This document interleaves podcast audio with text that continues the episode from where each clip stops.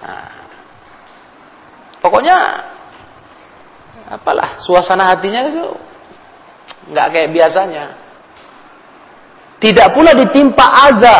Nah, aza lebih umum, gangguan. Tapi di sini kaitannya kata ulama, aza ini adalah yang dikhususkan dengan penyakit batin.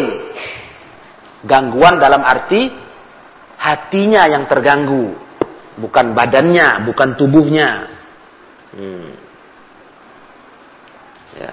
Akibat orang lain, entah mungkin dia nggak enak hati gara-gara apa, diejek-ejek, terganggu dia. Nggak enak hati karena hmm, uh, diganggu hartanya, dirampok, dibegal, itu azab. Ya.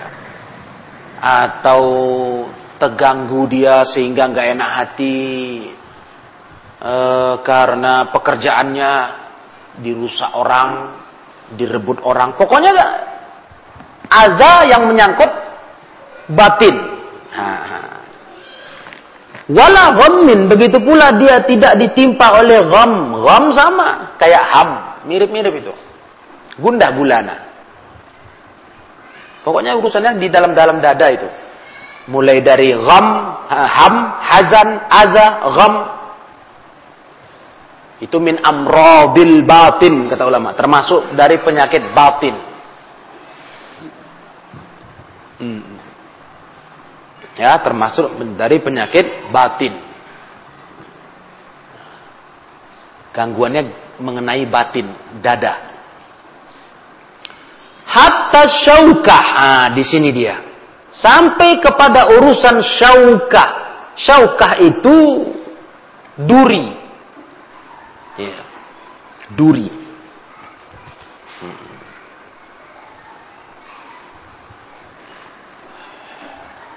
Sampai-sampai masalah duri. Nah, kalau urusannya syaukah itu tujuan goyah, ya, hatta di sini untuk lil goyah, maka bacanya baris bawah. Hatta syaukati. Hmm. Jadi kalau bacanya kalian baca baca baris bawah boleh. Jikalau dimaksudkan maknanya untuk goya ya berarti kalau menimpa muslim uh, nasab wasab ya gham ham hazan ha? kemudian tadi aza uh, gham sampai nah, ujung dia menunjukkan sampai urusan kena duri gitu nah kalau begitu dibaca maka baris bawah Hatta di sini menasobkan, ah, menjarkan. Hatta syaukati. Boleh dibaca begitu. Itu yang pertama. Ya. Jadi kalau dipanjangkan begini dia, hatta yantahi ila syaukati gitu. Cuman kalimat yang yantahi ila dihapus. Sampailah berakhir ke urusan duri walaupun gitu kalau kalau terjemahan yang banyak orang terjemahan walaupun tertusuk duri. Ah itu dia. Itu hatta lil ghoyah. Paham itu nah, hatta maksudnya lil ghoyah. Maka dibaca baris bawah. Hatta syaukati. Nah kalau kita baca dhammah. Oh nasab dulu ya nasab. Dari bawah kita kita urut. Kita baca nasab hatta syaukata. Hmm. Ya, nasab.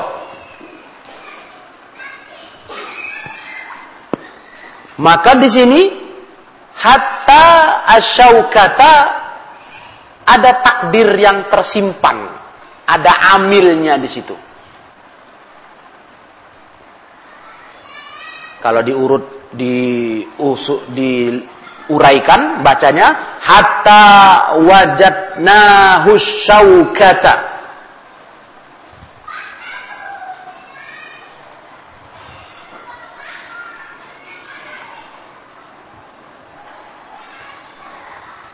ya sampai uh, dia merasakan uh, duri begitu. Jadi duri sebagai maf'ulnya ibarat maf'ulnya. Ya. Atau dengan uraiannya gini, hatta uh, wijdanahu asyaukata gitu. Jadi ibarat dia sebagai yang kena pekerjaan, makmul atau bahasanya maf'ul gitu. Nah, ada amil yang di situ, ada amil yang bekerja, tapi amilnya dibuang, dirondokkan, disembunyikan. Itu kalau dibaca syaukata.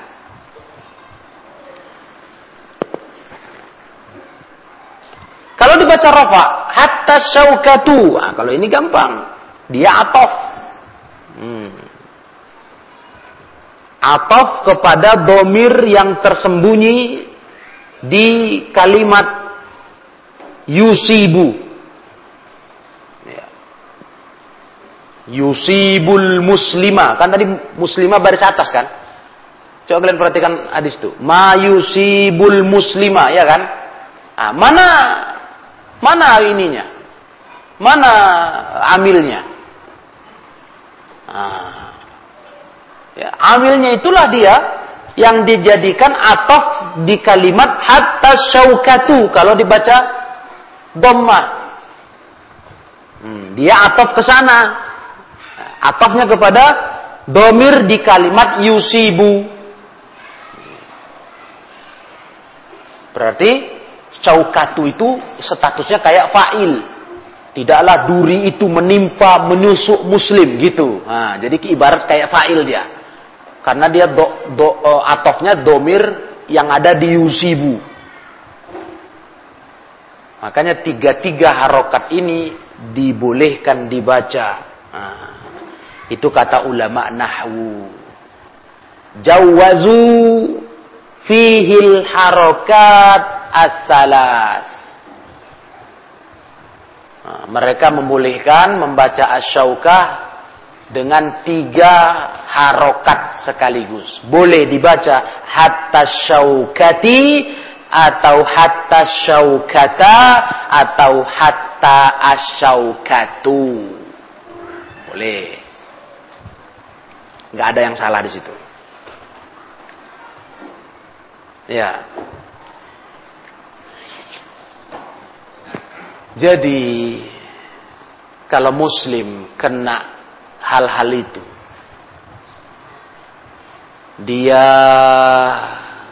ditimpa keletihan badan ditimpa sakit wasop ditimpa kesedihan hati kegundahan hati nggak enak hati sampai dia tertusuk duri gitu. Ya, hatta syaukati kalau dibaca hatta untuk goyah sampai-sampai dia tertusuk duri. itu kan semua rasa sakit itu, betul nggak? Sakit kan? Badan kamu letih, nggak enak badan, terus kamu sakit, ngilu-ngilu, demam, pusing, sakit perut, apa lagi? Sakit apa lagi, gigi, nah, pokoknya nggak enak badan lah, atau nggak enak hati, badan nggak ada yang sakit nih, nggak ada keluhan, tapi hati nggak enak. Sampai cuma kena duri, berapa lah kena duri, kecucuk duri atau ya apa yang semisal apa mesti duri? Kan nggak entah kecucuk jarum, entah kecucuk batu, atau kecucuk apa duri ikan kayak atau pokoknya walaupun se -se sekecil itu istilahnya gitu, walaupun sekecil itu yang menimpa muslim, apa kafaratnya? Illa kafarallahu biha min khotoya. Allah hapuskan dengan itu semua kesalahan-kesalahannya. Itu balasannya, itu tebusannya. Kita akan mendapatkan pengampunan dosa. Masya Allah. Luar biasa ya. Semua yang menimpa muslim di hidup muslim itu ada tebusan dari Allah. Ada balasan. Ya. Oleh karena itu kata ulama, hmm, sakit seorang muslim, sakitnya seorang muslim, baik sakit badan atau sakit di hatinya, itu semuanya tidak ada yang sia-sia. Tidak ada yang sia-sia. Nah, ya, semuanya berguna. Ya, semuanya berguna. Tergantung dengan ukuran sakitnya. Kalau sakitnya parah, pengampunan dosanya pun besar. Kalau sakitnya ringan, ya pengampunan dosanya pun ringan. Sedikit. Nah, tergantung dengan alamil marot. Ya. Sakit yang dirasa. Ada orang tangannya ketusuk duri. Tentu nggak sama dengan orang yang tangannya koyak. Sama nggak? Sama? Sama? Ketusuk duri sama tangan koyak. Robek. Sama? Hah? Tidaklah. Kalau robek kan wah harus dijahit. Iya kan? Atau tusuk duri ke ah, seberapa lah rasa sakitnya ya.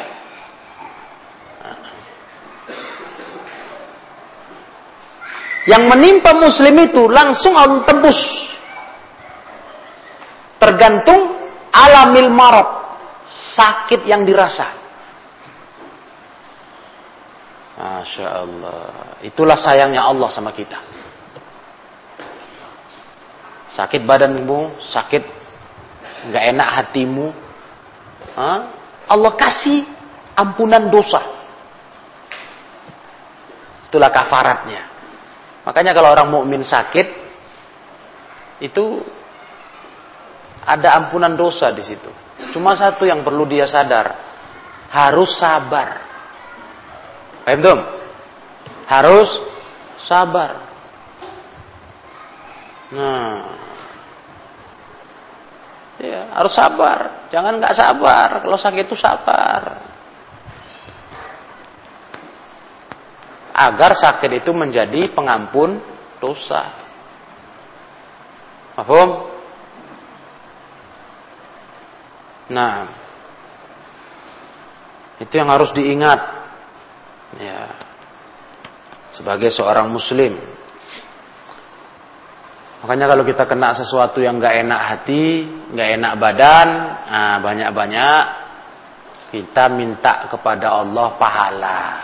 Allahumma ajurni fi musibati wa akhlif li khairan minha. Ya kan? Apa doanya? Ya Allah, pa beri pahala aku di musibah ini, apa pun itu. Dan gantikan untukku yang lebih baik. Minta diganjar pahala, ampunan dosa. Sabar. Boleh ngeluh, ngeluh-ngeluh mulut kita. Boleh tapi sama Allah. Ya kan? Nah, iya. jangan sampai ngeluh-ngeluh yang menunjukkan gak ridho dengan takdir. Palak dengan takdir. Nah, ini nggak boleh rugi kamu. Sakit tetap aja sakit. Kalau kalian sakit misalnya demam. Kalian marah-marah nggak terima demam bisa sembuh? Nggak bisa. Demam ya tetap demam. Udah kejadian. Nah, jadi kan rugi kalau kamu nggak sabar. Marah-marah. Harusnya kamu sabar. Ya minta sama Allah ampunan dosa Emdom? Itulah kafarat orang sakit. Makanya takziah menjenguk orang sakit itu yang paling terbesar nasihat untuknya adalah apa? Isbir, sabar kau. Suruh dia ingat sabar. Itu yang paling terbesar. Nasihat untuk orang sakit. Hmm. Iya.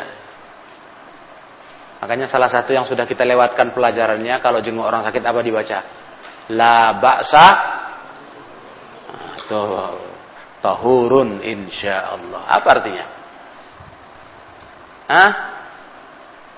Enggak apa-apa bilang. La ba'sa, enggak apa-apa. Tahurun insyaallah. Jadi pensuci dosamu insyaallah. Itu itu yang paling penting, bukan bawa jeruk. Ya penting juga bawa jeruk, masa nggak bawa apa-apa nih orang sakit. Nah, tapi doa ini yang paling mahal. Ya. Nah, kalau bawa sesuatu sih bagus, hadiah. Tapi yang paling mahal doa ini. Ya, la baksa, tidak apa-apa. Bukan maksudnya kita sepelekan sakit dia. Jangan nanti dalam hatinya, kepala kau nggak apa-apa kata. Mau udah mau mati aku nih gitu ya. Kau bilang la ba'sa la ba'sa. Nah, bukan masalah itu. Itu itu doa Nabi itu.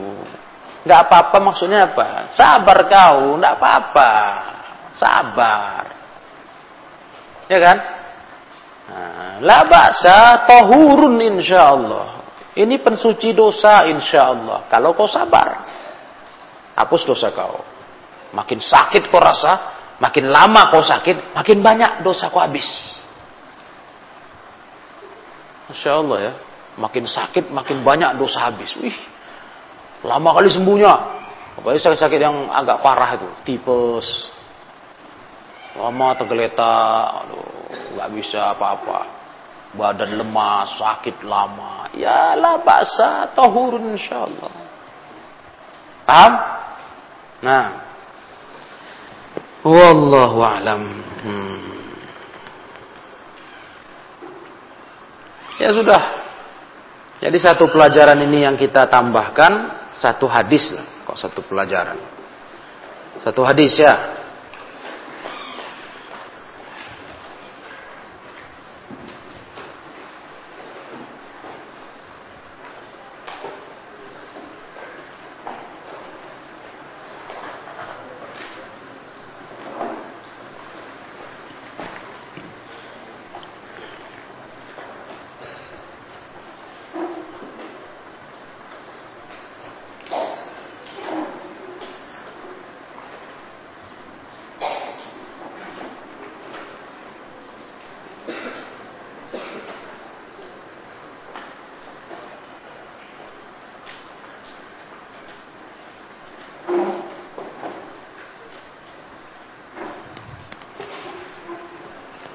Itu masih sama penomoran babnya yang yang sebelah kak kiri.